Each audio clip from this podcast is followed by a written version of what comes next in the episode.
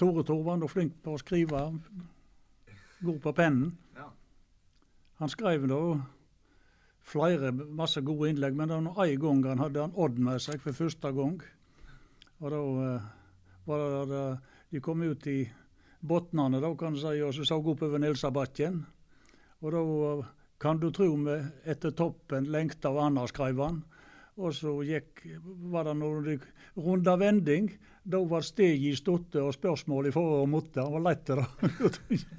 Og Grans hadde godt skrevet. på.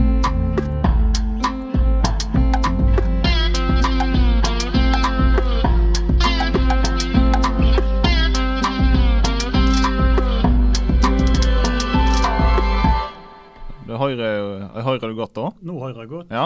Ja, Det er egentlig ganske gredelig da. Ja veldig bra. da. Kanskje du skal ta stolen litt nærmere den der, tassen der. Sånn. Å ja, hører du, hører du sjøl godt òg? Ja. Ja, nå er vi vi er jo rett og slett på scenen i Holmatun med nå.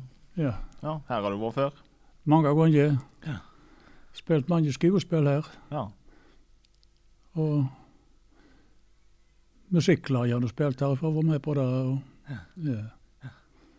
Ja, men det, det er mange som har mye godt å si om deg, da, Fredrik Øyri. Som oh, ja. da, så eh, For det første så er det kjekt at du tok deg tid til å komme. For at Ja. eh, jeg har nå jeg har vært borti deg flere ganger. Alltid du er på Du jobber med et eller annet. Enten det er Ja. opp gjerde eller hesje eller slå med langgorv eller ja. et eller annet. ja. En travel mann. Har alltid noe å finne på, vet du. Men eh, jeg tenker vi skal begynne litt med litt sånn tidlig liv. Jeg. jeg har da hørt litt med folk som har kjent deg hele livet sitt, og det er jo guttene dine. Ja. Og de er ikke hva som helst gutter det er, så de som kjenner dem, vet jo hvor røslige de er. Så, men de kommer jo fra en plass, og det er jo da det er du som har det er du som lager dem. ja. Men eh, nå skal vi snakke om deg. Eh, og du eh, var oppvoksen i Øystese, stemmer det? Ja da. Oppvoksen eh, imellom kirka og hotellet på Øyre, heter det. Var det fint der? Ja, veldig flott. Og strand eh, var rett nedfor. og Gamle naust, og vi hadde alltid noe å finne på der. Ja. Ja, Og de jobba mye? For det, var, det drev jo gard. ja vi drev gard. Det var noe, når jeg var helt eh, liten, kan du si, så var det noen besteforeldrene mine som drev. eh, Men vi hjelpte nå til, veit du, alle. Både far min og mor mi. Og vi ungene, så snart som en gikk sjøl i de dager, så fikk du noe innkvatt opp i hånda du skulle lære deg til arbeidet, enten en stotter eller i riva. Så det har nå kommet vel med. Ja. Du likte det? Ja, likte det. Og så eh, har jeg jo skjønt at du var jo en eh, Du var ikke bare aktiv på jobbing, du var jo der med hopping og friidrett og all verdens. Var en aktiv, eh, aktiv kar. Ja, friidrett vet jeg ikke om jeg eh, var så veldig på, men eh, hopping, det drev vi mye med. Ja. I ja, Gartveitbakken var det vel vi begynte, og så var det vel Flommen, da. Uti her i, Ja, den ute på Børvegarden, da, kan du si. Ja. Eller i rået, oppe oppi hagene der. Det var en hoppbakke var på ca. 30 meter godt. Det var et godt hoppmiljø her, var ikke det? Veldig godt toppmiljø. Det var et godt anlegg oppe i Myrabakken. Ja, det ble noe veldig bra. De bygde noe ut da. Forskjellige. Det var NM for juniors, det var i 61. Ja. Det var stort arrangement. Hele bygda var engasjert. Det var langrenn her. Starta her nede på idrettsplassen og gikk ut gjennom Børvemarka og rundt. Det var ei løype på ti for yngre junior, og eldre junior det var enten 15 eller 17, det husker jeg ikke helt. Men han Trygve Melstveit han eh, sendte inn mellomtidene. han, Da hadde han kun et armbåndsur og en Simra radio, som militærradio. Og da kom mellomtidene inn Forares i Holmenkollen, sa de. Han rekna det i hodet. Ja. Da var han Trygve Mølstveit på sitt beste. Ja. Ja.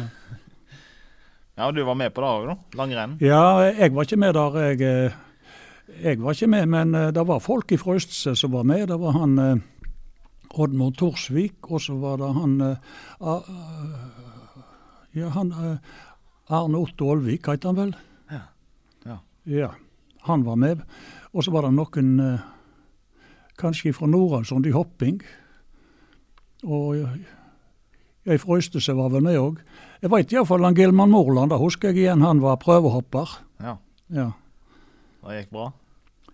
Det gikk bra. Han eh, de klarte seg godt. Han var jo en av de bedre i krinsen rundt om her, han Gilman. Han uh, var det. Ja, nei, men Jeg har jo noen sånne gamle filmer Ja, fra noen hopprenn eh, som vi fikk. eh, ja det var sikkert Fra idrettslaget. det var sikkert på det jubileumsrennet i 48, idrettslaget var 100 år. Ja, det stemmer. Ja. Nei, vi- 100 år var det ikke. De var, de var 40 år, selvfølgelig. 1948 og 08. 40 år. Ja. 100-årsjubileet var seinere, ja. Selvfølgelig. Men eh, Gilman eh, Moland, da, som òg var en Han er jo død, da, men han var òg en eh, bauta. Men det var jo da på mye turer i ungdommen.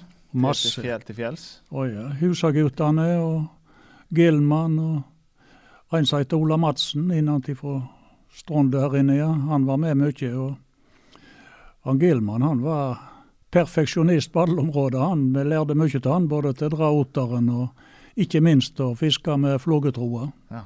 Det kunne han. Ja. Men det var ikke gamle karene når det eh, sprang av gårde? Og det. Og løye vi fikk lov, egentlig. Men eh, det var da vi var litt eldre, da, i Gilman og denne, så eh, vi som var yngst, var vel en 10-11 år. Men vi var av gårde nesten hver helg. Ja. Ja. Fiska i Fogladalen og Vossadalen. Og, og sjelden vi var til Søyene, men det hendte vi var borte der òg. Men det var ikke mer enn 10-11 år gamle? Nei, ikke jeg, men han, de var litt eldre. Jeg var 11 og et halvt av Bjarne Husa, kan du si, men jeg var yngst. Ja. Jeg var ti år. Ja. Ja, Da vi begynte, da. Kom du alltid hjem til samme tid? Eller til avtalt tid, da? eller? Det var ikke alltid. Vi, hadde ikke klokka. Det var nå ingen som hadde klokka da. Rett etter krigen nesten. Det var noe, Angelmann hadde lommeur. Han var greit når han var der. Da hadde vi rett tid. Men vi andre hadde ikke klokke Ja. når vi var av gårde. Så en gang vi var veldig seine heim. Det var Vi kom på noe, da, kan du si, etter vi var klart og pakka ned i Fogladalen. Da skulle vi ta oss lett en liten tur opp i slaget på Foglafjell og sjå oss om. Torleif Husa og Bjarne og meg. Og kom opp der, da så vi nedover Søyene og så det flotte landskapet der. Og da fant vi ut at eh, vi skulle til Søyene. Skrei nedover på snøfoddene på Tverrelvene og ned i soiene og så oss rundt. og og så uh, ut og rodde i en båt litt som lå der. og Så for vi hjem igjen over vending. og Fugladal da måtte vi pakke opp igjen og ete litt. Og så var det på vei hjem og kom på Geitastølen. Da var klokka ni om kvelden. Og det var gyselig seint. da Vi sprang gjennom. Men eh, i de dager så fantes det en sånn støytdemper på Øystese som heter Ola L. Øystese. Ola Løyning, som jeg sa. Og han eh, og husene hadde vært oppe, og da hadde de sett det kom en båt roende nedover, og da var de klar over hvem det var. Og vi kom litt lenger ned, da traff jeg far og mor da kom og skulle se etter meg. Det var vel ti-halv elleve da. Han var kvass i øynene av farmen da, sans jeg, og var nå halvveis redd. Men han var nå dekka til kvelds da kom hjem. og så kom de nå hjem litt etterpå, far og mor, da, og så begynte han å spørre hvor verden vi hadde vært hen. Og jeg la ut i avia breia, det breie, og bare snudde han seg rundt. Det ble ikke nevnt mer. Var ferdig med det, da. Ja, men Totte, det var litt tøft. Ja. Kan si det sånn, Totte det var litt tøft. Han trengte helt stille. Orka ikke skjebnen engang. Ja, men det er jo det en hele tur, da. Det er mange, mange kilometer, da. Det har vært mange kilometer. Det er flere Det var seigt over vending, sånn jeg går rundt, men kom ned i Fugladalen og fikk ete litt, så kom vi oss. Ja, kravna til, da. Men du har jo bikka 80, eh, og det er ikke så lenge siden. Men eh, og Det betyr at du har noe opplevd etterkrigstid, og, og kanskje minnes det. Men eh, jeg har hørt at det var en kar som bodde i løa deres, på Myrane.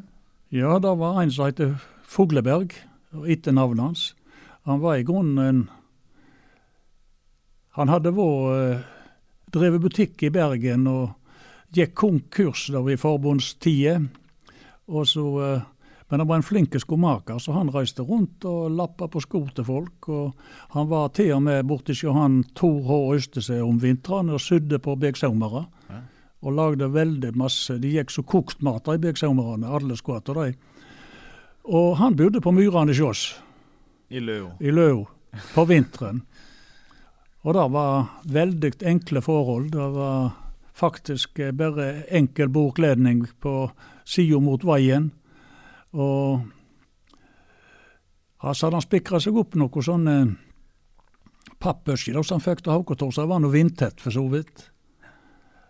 Og der bodde han om vinteren, og slik ville han ha det. Han lå rundt i senga, hadde ikke sengeklær eller noe sånt. Han var, var, hadde lært seg til det. Uteligger. Så var en kveld da på vinteren, det var kaldt, sånn seg, og da eh, sier han far at nå tror jeg jeg vil gå på myrene og se hvor det er med fuglebergen.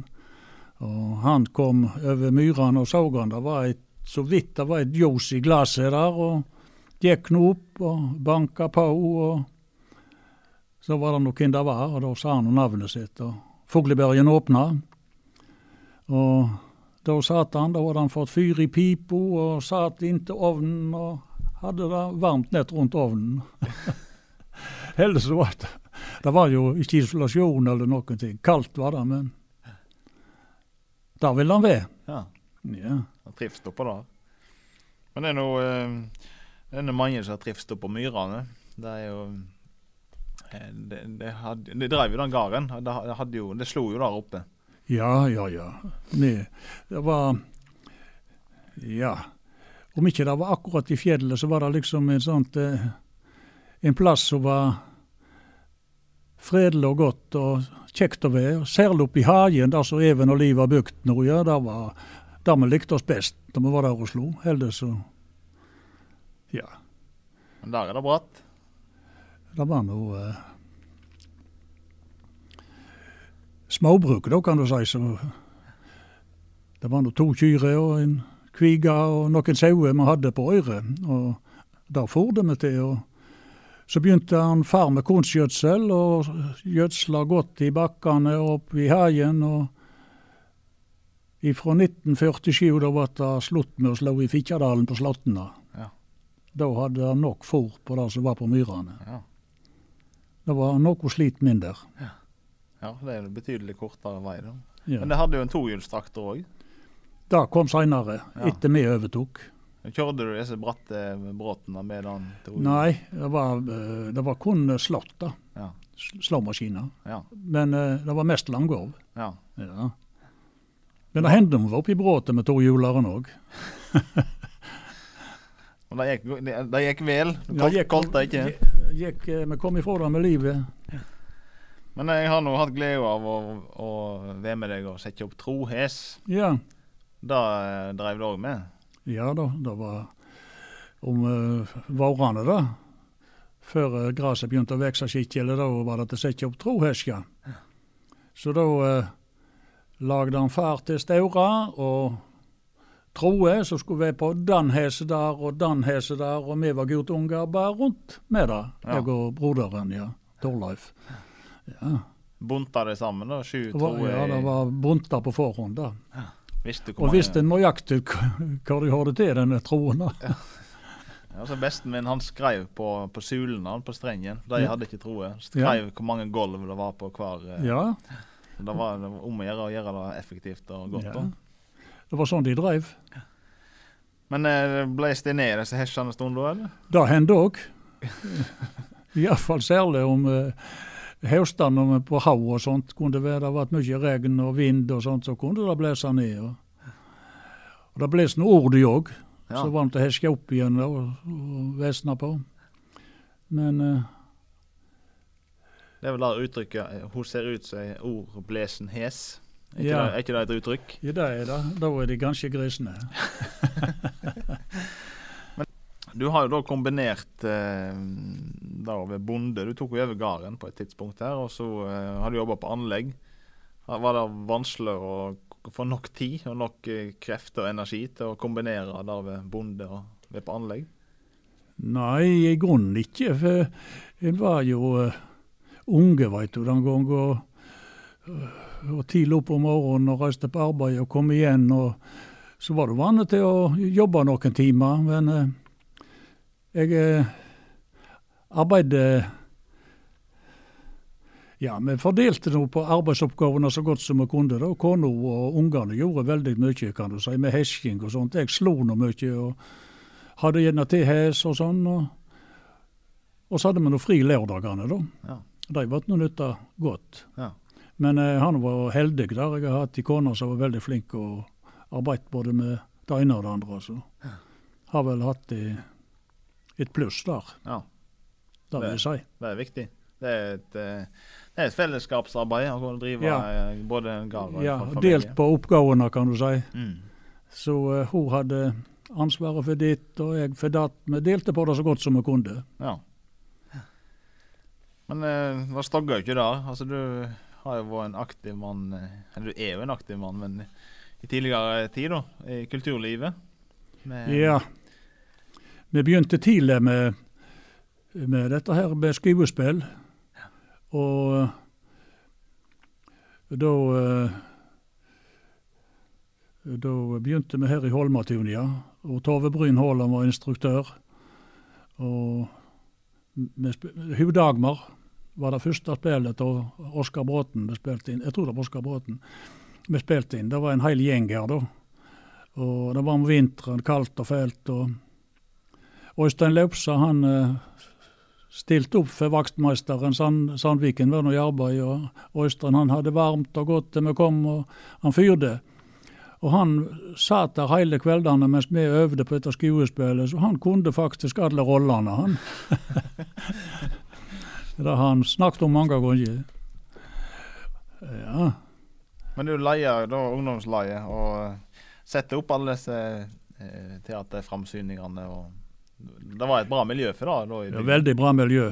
Men eh, da, da, da, da var nett konfirmert, da var det hun eh, Ragnhild eh, Grønli Vik som var formann for spellaget. Men eh, så eh, vi var bare Det var Nils Øvrevik var vel en av de ledende i ungdomslaget den gang.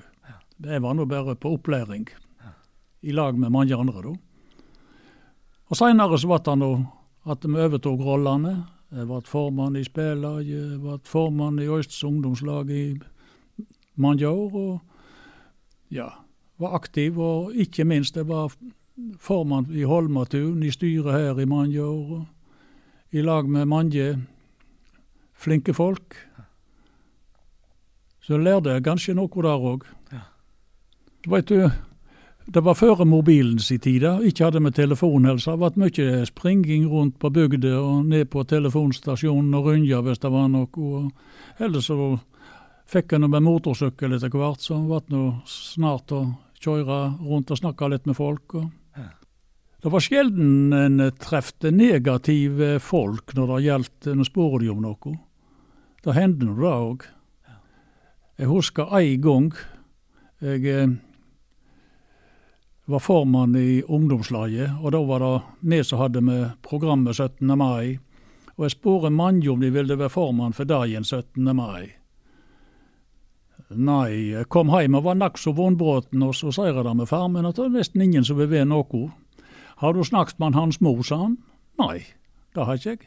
Heiv meg rundt og kjørte ned, og han sto i fullt arbeid i smidja og forklarte nå ærendet mitt. Han la alt til side, så fant seg et papir og begynte å skrive, og tok jobben som formann, og kom ifra det med glans. Ja.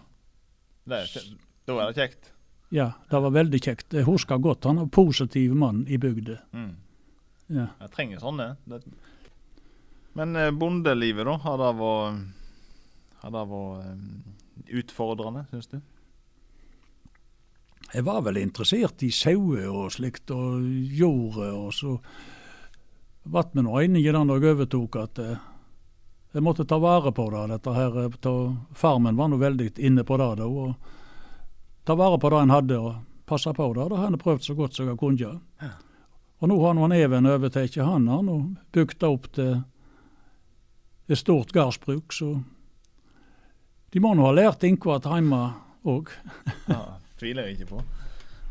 Jeg du vet jeg vel litt stolt, da, når eh, livsverket med den jorda du har dyrka på, den blir videreført? Det ja, det, det syns jeg er veldig flott. Og det ser det ut som det fortsetter med inn på myrene òg. Eh, når reven og liv gir seg, så er det unge folk som er interessert i å overta. Så det er noe veldig kjekt. Mm. Alt henger sammen med alt. Og nå ja. kommer det vel nye som skal ta over på, med stunde? Ja, det gjør det. Mm. Det er bra. Ja. Men en del av eh, bondelivet og det å ha sauer er nå er noe fare til fjells, da. Det var det. Skårfest. Skårfest, ja. det har han vært med på òg. Ja. Hadde dere tau og sånt, eller bare slepte dere ned på hyllen og sleit? Nei, det, det var noe tau. Uh, vi brukte òg. Ja. Og så var det noe ikke alltid det var folk som var interessert i å være med på det. Der, jeg vet jo det har vært de samme folket som møtte opp hver gang når vi skulle av gårde.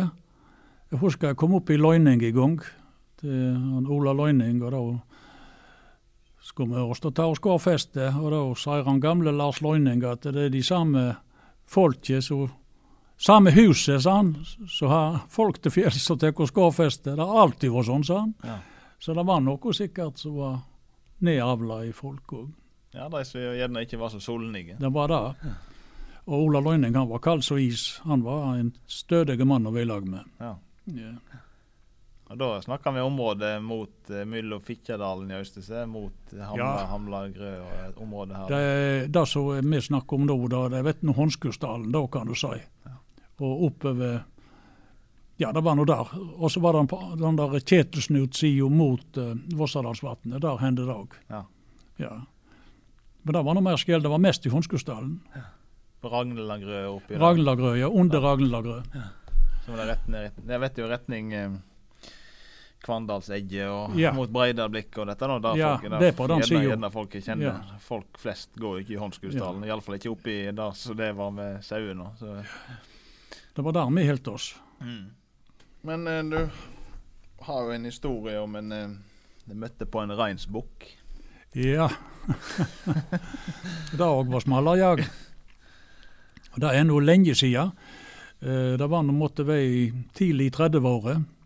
Det var en hvit uh, reinsbukk som uh, var faktisk folkevond. Den var olm. Så var nå en av Torpe, han måtte, Halvdan Torpe het han forresten, han måtte søke ly opp på en stein borti Storeskår for denne bukken ville ta han. Han satt oppå der i flere timer før bukken forsvant. Og så eh, var det en borti Hamlagrød med samme bukken. Han ble jo slengt ut i, i kødden og holdt nå på å aldeles omkomme der til av denne bukken. Og så reiste de til fjells, da, en gjeng og skulle skjuta den der bukken. Og da eh, skjøt han, trodde de, eller de skjøt en annen, det har det vært delte meninger om. Men eh, de skulle på etterjag, da. Noen karer på Østesegarden. Det var Sverre Eikeli og Alf Østese. Og så han Torsten Soldal, han var sikkert dreng en eller annen plass på Østese. Han var med, så jeg veit om. Og de kom på vending, og da ble de overraska av den bukken han kom på de. Og Alf og Torstein de hadde nå fått komme seg opp på en stein, de, men Sverre Eikeli skulle nå møte han litt, han, og bukken saug seg på han. og han Sverren han var stor og sterk og sprek, så han fikk tak i hodene på han, han og hilt han. og Da var det noen tagger som ville inn i sida på han, men han hadde tjukk vadmålstrøye på seg, så han gjorde ikke noe skade. Så fikk han vridd den over han tok han i hånda, han sterk som en bjørn, han veit du, og velta han over ende. Og så kom de karene til og batt han da med føttene på han med tog og greier, Alf og Torstein. Så eh, lå han nå der, og så var det hva jeg skulle gjøre med han. Så fant de ut de hadde ikke noen slags redskaper til å slakte han med, og ikke hadde de så lysten på det heller. Men han Torsten Soldal han hadde en idé om det at hvis de slo han på en viss plass med stavene, så da visste han var på en edle plass, så måtte han gi seg den bukken òg. Og det ble gjort. Og så løste de toget, han lå nede der, og de hoppte nå opp igjen og kom seg av gårde, ja. Og den bukken han hadde fått sjanglende bortover, så han hadde fått nok juling. Og hvor det gikk med den bukken seinere, det veit jeg ikke. Men eh, det var iallfall feil bukk, sier de som har greie på det, som ble skutt den gangen. Det var ikke den som var olm. Nei, den møtte de på. Og de prylte han og slo han i koddene, og så for han tuslende Ja. fra dem. Slo han på en viss plass, ja. Gammelt triks da han var drenge tidligere og skulle, skulle måke for stutene. Hvis Ja. de begynte å spenne, så var det bare å smelle måka opp i koddene på dem. Da Ja. roa de seg en gang. Med gang. Og det var et gammelt triks. Han hadde nok greie på dette, han Torsten òg. Han hadde sikkert vært dreng. Ja. Så det gikk fint med dem. Kom Ja. seg nok klar han. Og jeg, eh, den her soga her er det mange som ler av, jeg tror ikke det er sant. Men eh, jeg eh, var borte og snakket med han eh, sønnen til Alføg, han eh, Arne. Og han sa da at faren hans hadde fortalt flere ganger om dette her. Ja, Så det var ganske ordrett sånn som jeg sa det. ja, ja det, det er sånn det var. Ja, Vi må være enige om det. ja. Man kan ikke, kan ikke, kan ikke ødelegge gode historier med sannheten. Nei, Nei det, var, det var sannheten. Det. Ja. Men oppe i Hamlageret var det en som heter Bjøndalen. Han eh, veit jeg òg at du har eh, hørt noe om. Ja. Hvem var det, da? Han eh, Du vet det var to sånne fjellgarder da i 1880-åra. En i- i- nede i Fagerdalen der i Sotabotn, har du sikkert hørt gjette. Mm. Den En gard der. Og så var det en der borte i Bjørndalen, Ja. i Hamlagrø. I Nore, vet du da. Nore, Nor Nore Hamlager.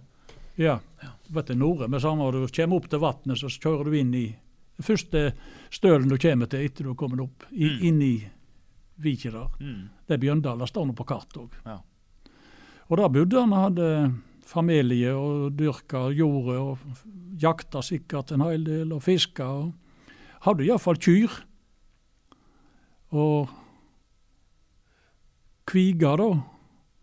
Og nå på vinteren, da på, Det var mye snø og vesen, og da måtte han til stut med den her kviga. Og det var ikke enkelt. Den korteste veien det var til Flatabø på Botn, hadde han funnet ut.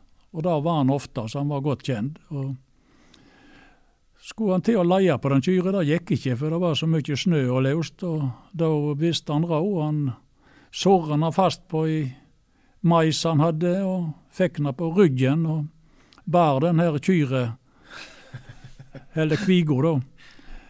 Og kom seg nå til bunnen, men hvor langt ned han hadde båret det veit jeg ikke. Men han kom nå til bunnen, og der ble hun ekspedert, og en stod der, og var det på samme veien hjem igjen. Og da eh, hadde han da braut da, på veien hjem igjen. Hvor mye han bar han, det veit jeg ikke, men han etter som han skriver, han Gjermund eh, Skeie som har skrevet om dette, her, så er det sanne historier. Ja, og det, og det Men kvigene de var vel ikke så store i den gang. De var vel ikke stort eh, De var litt større enn sau, da, men ikke, gjerne ikke så mye mer. Nei, men det er nå drukt nok da, bedre enn eh, Det, det er det ikke hvem som helst som gjør det. Nei, det var Han var nå en kraftig kar. Han må han var. Men han, han der i Bjørndalen, han var nå ofte til bunnen og fikk seg både kodden og mjøl og, og forskjellig å bytte til seg eller betalte, og hadde en, en forbindelse med de på Flatabø. Ja. Så der kom han. Men det er nå et stykke å gå, da. Er nede Visst er det et stykke å gå. Tror du lytten å gå fort, skal du gjøre det på to timer? Ja, definitivt. Altså, da, det er mye, litt hva veien går, da, men det er noe, det er noe ur og kødd. da, Du vet, eh, den gang eh, når vannet var oppe, da kom det noe ro til Kyrkjeviket, som vi sier, og så gå den veien. Mm. Og, og heller så måtte han gå om Hodnaberg og komme seg ned Trondjedalen og Mm. den veien. Og det var jo vest- Men det var, jeg, jeg tror han brukte mest til den der eh, Botnadalen, for han lå lavere i terrenget. Ja. ja, men det er jo hele tur bare å gå. Og hvis du skal da ha ei kvige på ryggen, og det er Ja. snø og vasser i, så er det noen en Det er ikke for hvem nei. Ja, nei, og, men det har gjerne vært mindre snø når han kom nedover mot bunnen, kanskje. Kan, det- kan det jo hende. Ja. Ja, men også eh, Du må jo sikkert ha noen gode historier for anlegg. Det var, men det, det er jo lenge før de tid, da. Men det, jeg vet jo Jeg har hørt om en som heter Kirketeigen. en fra Eidfjord som uh, satt i salen her. Ja. Han uh, Det var kongen, var Eller kronprinsen. Ja. Ja. Han fikk kongens fortjenestemedalje, han. Ja. Utlevert av kronprinsen. og Da måtte han jo si noen ord, han òg. Og da takka han kronprinsen for medalja. Og så får du helse ferden som han gir takk hos han. Og det var gongen. Og glemte glemte han aldri, han der kronprins Ola, at folk kunne være så alminnelige. Det var jo det han var. Ja, ja.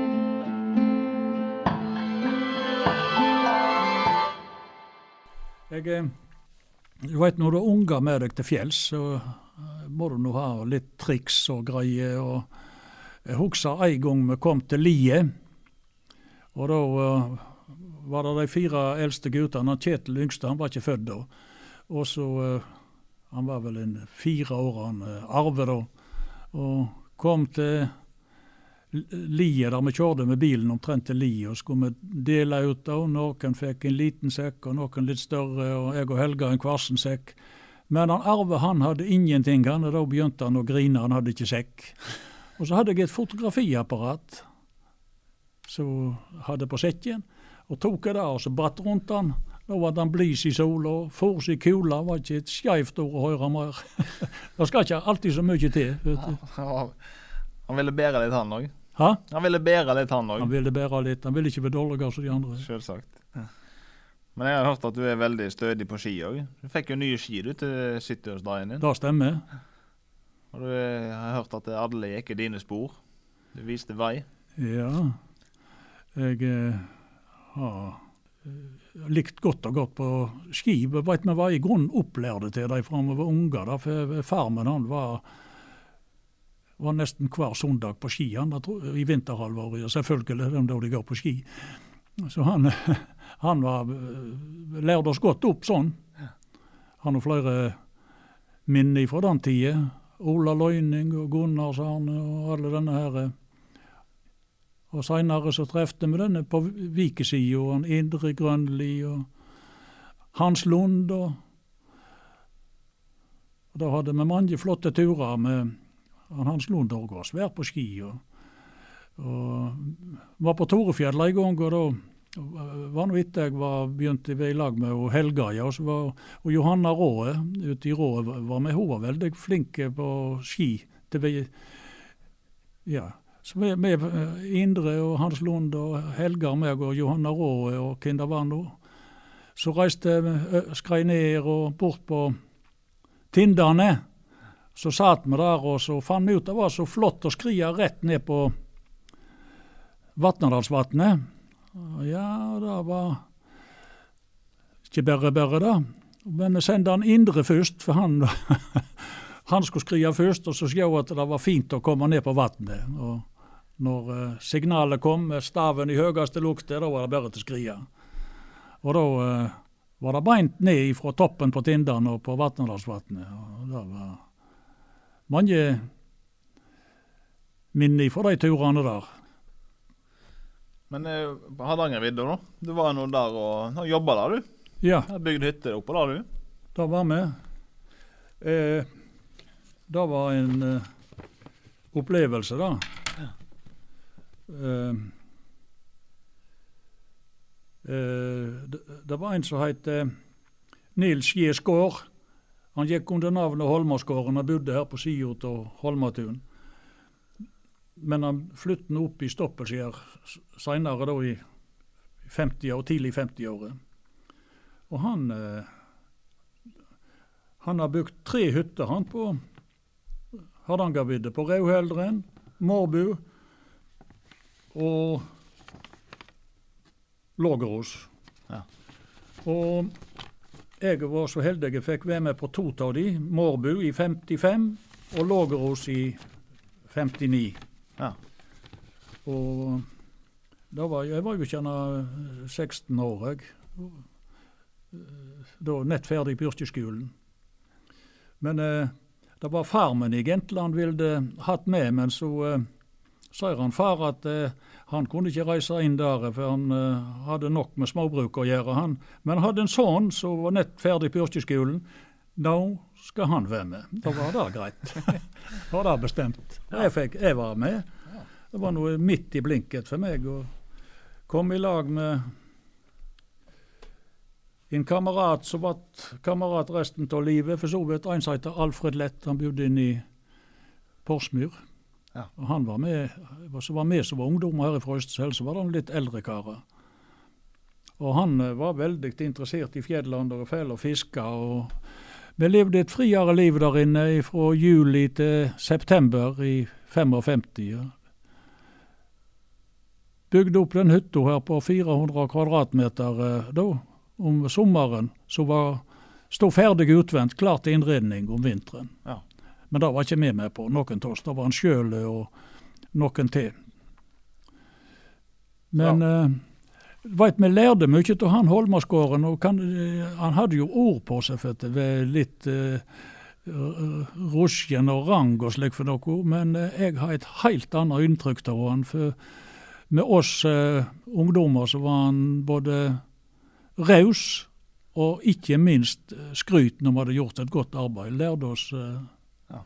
Og var det noe som var galt, så fikk vi beskjed om det òg. Ja. Så vi lærte veldig mye av han.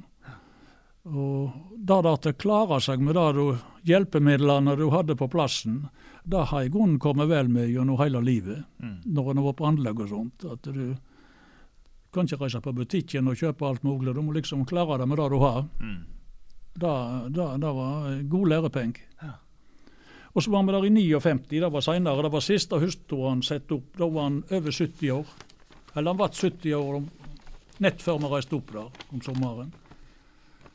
Og da var han mest kokk, da. Og, og innenfor da var det tre ungdommer med seg. da. Han, eh, Alfred Lett var med den gangen òg, og jeg. Og så en som heter Ørjan Børve, han eh, onkelen til han Martin Vik, da, kan du si. Mm. Han bodde her i bygda da, i de dager. Han var i Sjøen Norvalds Oldal. En veldig flink mann. Og det var nå Alfred, og bevare meg vel. Og vi snikerte, og vi herja på. og Holmarsgården han la ut i det vide og det breie om ditt og datt. og Fortalte om eh, forskjellige ting han hadde vært med på. Han var jo hadde vært med nede i Syd-Afrika, bygd opp den hvalfangerstasjonen der og fortalte historier derifra. og ikke minst ifra gjenreisingen i Finnmark. Han var der oppe i en par år òg. Ja. Og da var det akkurat sånne folk som hadde bruk for der oppe, som måtte klare seg med det de hadde. Mm. Ta verktøy og alt sånt. Og, så han hadde noe, var, var godt dreven mann. Han passet godt til sånne jobber i fjellet. Og da hadde de vel funnet ut eh, Turistforening òg. Og hadde ikke han eh, gjort godt arbeid, så hadde ikke han fått de tre hyttene. Så enkelt er det. Mm. Det er en spesiell Det er ikke så mange som driver på med det nå lenger heller. Nei. Med de der eh, fjellhyttene. Nei. ganske Så uh, der lærte vi noe. Ja. Og, Men han var fra Skåro, han? Han var eldstemann i Skåro og skulle hatt gården der inne. Men det, det var ikke han interessert i. Han var mest interessert i bygning. Ja. Han uh, var når broren som overtok, han Johans, eller Johannes han heter, som var Ja. bonden i Skåro. Far til Jon, Ja. Mm. ja, da vet du det. Mm. Ja, det er, det er ikke så lenge siden jeg var der oppe. Det er, det er flott der oppe. Du har vært der du òg, Hvor hen? oppe i Skåro? Og mange ganger. Ja. Ja. var fiska i Godal. og Ja. Ja, jeg og Alfred Lett har vært der. og ja, flere ganger. Ja. Flotte områder oppi der. ja, veldig flott. Ja, Men hvor du var på anlegget, da? Det flere plasser sikkert, men eh, ja det er mange plasser. Jeg var nå var nå mest i sjå Høganesen rundt der. Jeg begynte nå på Vi bygde en ungdomsskolen der oppe i slutten på 60-året. 67 begynte vi. Da begynte jeg i Høganes. Og da var jeg i over 30 år, 37 år da, kan du si. Og var nå eh, i Florø var vi på anlegg på Kjørte opp glider der oppe. og Så var vi ja, på Stord og bygde den der verdens eh, største dockport. av over 100 meter langlandergonje. Og det var Fridtjof Nyland som var sjef og syning. Og han eh, det var en, Han fantes ikke ingeniører der ute, det var han da. og Han ordna opp i det meste. Svære betongarbeid. Så det var, der lærte vi mye. Han Fridtjof han var en veldig rolig og behagelig mann å være i lag med. Det var ikke støypefeber da, altså? Når han eh... snakka mye om støypefeber, men hadde vel det noen hver. Hva må gjøre for betong i denne formen? da. Men du veit det var Da eh, var det teknikken var begynt å komme inn i bildet. da, Det var vet, denne blandemaskinene som vi hadde før. De var nå bare til trykka på en knott, så gikk de rundt og hiva i ditt og datt. Men eh, vi hadde fått de moderne blandemaskiner der inne, da, så eh, med et svært eh, sånt bord så du trykte på noen knotter. Så, og her eh, var det en som kjørte blanda, da. Jeg vil ikke si navnet på han, for det er ikke om å gjøre, men han, hadde iallfall Han trykte så veldig fort. Og da stoppa den her korgen korget som skulle tippe sand og sement og sånt ned i trommelen. Og der sto Fikk han ikke verken au eller til, og sto oppå der. Og jeg var Det var jeg som var bastand natta der, jeg Så opp og vekte han Fridtjof og forklarte nå dette her hvor det hadde vært. Midt på natta, veit du. Og Fridtjof han reiste opp og sa jeg har en kar jeg, som kan kontakte hvis det er noe som røyner på. Og da kom det en kar ned der en, i lag med Fridtjof, en elektriker, og han så på den her dassbordet. da, og eh, så på dette her, og så hadde han en ledningsstubb med seg, så han tok eh, isolasjonen av i begge ender. Og så sto han og leste litt på dette, her, og så var han oppe hvor slutta to punkt, og da kom den der korget sigende fint ned igjen. Så da lærte vi da at eh, teknikken var kommet inn. Ja. Han så eh, fan, Han fant ut av det, han? Han hadde taket på det, han. han var, det var på Stord. Det var da de bygde Det gikk for fullt der nede, da. Reksten var jo stor, da. Bygde alle disse båtene sine der nede. Ja, ja, ja. Så det var et svære liv der nede på Stord. Og så var nå på anlegg i Sverige og bygde på noen bruer der borte. og Hjem igjen og så var vi på den her eh, Jeg var med og bygde den der ringen rundt eh, Ekofisk. Da var vi Byg, først bygde vi kaia nede i Ålfjorden, og så var det da noen av oss som ble sendt ned i Holland. Det var jeg og en som heter Lars Vikane her fra Østse, og så vi var nede der og var med på dette her. eh. Og det var elleve nasjoner da, som arbeidet nede i den der dokken nede der. jeg for min del var ikke noe engelsktalende, men eh, jeg eh, hadde, han Lars Vikane han hadde noen sjømann, så han greide seg noe godt. Men jeg hadde en kompis nede i som var gift der nede i Holland. Han het Sigbjørn Rykkje. Til han Ingebrigt Rykkjer fra Østse. Han var der nede i Holland, så ringte til han. og så det var så mye hollendere her, og jeg snakka kvammermål. Jeg skal gi deg et tips. Jeg snakk seint kvammermål, Fredrik, så går det bra. Og det gjorde det. Man gjorde ord som så like. Ja. Ja, ja da. Ja. Nei, for jeg, jeg har snakka med folk som har jobba i lag med deg. da. Du var nå en svært aktiv eh, deltaker på oppbygging av, av Søyene igjen. da. Ja, ja. Du var noe, Du var ikke ungdommen da. Nei, jeg var nå pensjonist. Ja, mange som var imponert. Han var rasende flink. Og det er liksom Når en har det i nevene, så går det ofte fort. En går aldri tomme turer. og Ja. det, det, er, det er vanskelig å det følge når en har eh, 50 år med røynsler. Ja, men det, det var nå liksom han eh, Bjørn eh, som styrte ståket med dirigering til folk. Så jeg, jeg gjorde nå det som jeg var tilsatt til, kan du si. Men eh, ja, Men du liker å jobbe? ja, det har jeg alltid gjort. Du, liker, du jo- jobber litt hver dag? Ja, gjør jeg det. Hva, nå er det snart sommerferie, da. Eller det er gjerne ikke så mye ferie, men hva er planene dine for sommeren, da? Nei, vi har nå eh, ikke så store planer sånn sett. Vi har nå tenkt vi skal ha oss en tur, og så kanskje vi kommer oss til Søyene, den liksom der vi har snakket om. Ja. En tur. Men da reiser vi nå rundt om uh, Sotabotn, og så uh, får han Halvor til skyss oss over til Nordelva og går opp der. Ja, ja. Det er korteste veien. Det er korteste veien. Ja. Ja, det er fint. Da har vi lyst til både jeg og Helga, så får vi se. Ja. Det er spreking. Ja. Har vært heldig. Men det er vel noe med det, når en eh, har vært aktiv i hver eneste dag i hele livet, så får en igjen for det. Ja, eh, det er noe der. Det er også eh, ha en likt, å, likt arbeid, kan du si, og likt å få ting til. Og, ja.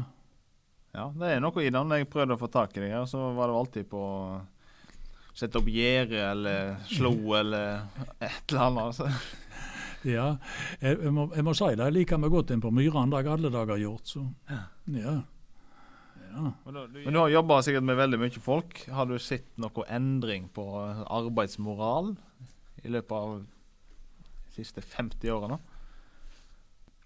Ja, du veit at eh, kan du bare ta for eksempel slik som alt denne stillasene og alt dette her. Det har jo vært en stor forbedring i forhold til vi gikk på gjerne bare en sekstoms planke oppi høyeste rattene på huset bordkledde. Nå har de flotte seilaser. Og, og sikkerhet eh, er kommet mer fokus på, kan du si. at eh, Kanskje det er noe med det som du nevnte, at eh, en hadde ikke telefoner. En måtte gjøre, en, eh, eller gjøre ting med det en hadde Nettopp. For, for. Ja. Jeg tror folk er like gode i dag som de var den gang vi var unge. Jeg tror ikke det er noe forskjell. Nei. Kanskje ikke i den bransjen, men det er kanskje noen bransjer der folk er litt mer vande. Det tror jeg er liksom at eh, Og så vet du, det kom inn noe i, i bildet, vet du, så uh, når vi var i oppvekst og hadde ungene små, så var kona hjemme og tok seg til det som var hjemme. I dag er begge to i arbeid, så skal de ut i barnehager, så skal de hentes, skal de bringes. Og, uh, da er det ikke så enkelt for alle å reise vekk på anlegg så det var det en gang vi hadde ungene små. Mm. Det er stor forskjell, da. Det er det. Begge to er i arbeid. Det har forandra seg mye. Ja. Og det er jo bra, da, selvsagt. Ja. Men du veit denne her husmørene før i tida, kan du si denne foreldre våre, den foreldregenerasjonen, de var nå koner, de hadde nå en helt annen arbeidsdag som de har i dag. Ja. Det var, ikke, det var ikke lett? Nei, det var ikke lett. Ikke, gjerne ikke alle som hadde elektrisk ovn, og, ikke, og vaskemaskiner var det ikke snakk om. og så skulle de ha middag, og så skulle de Og særlig rundt om på gårdene skulle de både, både i flor og fjos, og både kveld og morgen. Nei, de, eh, de hadde nok en travel dag. Det var fulltidsarbeid, da? Ja. Så uh, Nei, men eh, du har nå eh, Nå er det jo snart eh, festival på gang i bygda igjen. Og da eh, trenger vi noen som kan hesje. Så hvis du er ledig en, en dag i slutten av måneden, så kan det hende jeg ringer deg og spør om du kan ja. være med og hesje litt. Ja, det går fint. Er det til Norheimsson, da? Nei, nå er det faktisk i Øystese. Er det det? Mm. Det var kjekt. Ja. Hvor skal det være hen, da? Nede i Hotellhaien. Så det er samme plassen som det var tidligere. Oh, ja. ja, ja, selvfølgelig. Og så bare kjører de høye der til. Ja. Nett som før. Nett som før. Ja. Det var ikke dumt. Nei, men da um vet jeg det Staura fra Teigland, og så vet jeg noe strengsule, vet jeg ikke Troe. Da vet jeg noe, strengs, eh, noe strengsule som Arnar har lagd, og ja. så eh, vet jeg sikkert far min med, og så kan det hende jeg spør deg om du har lyst til å være med du òg. Ja. Jo, det er greit, det.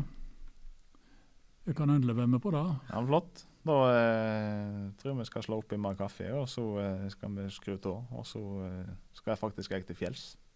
Hva? Jeg skal til Breidablikk. Å, skal du det? Ja. ja hva skal opp der, da? Er det bare ja, for turen? Bare for trimmen. Trimmen, ja. Skal vi, skal, må holde med sprek, sånn at jeg vet like sprek som deg. Nei. Eh, Nei, men ok. Da slutter vi, da. Ja.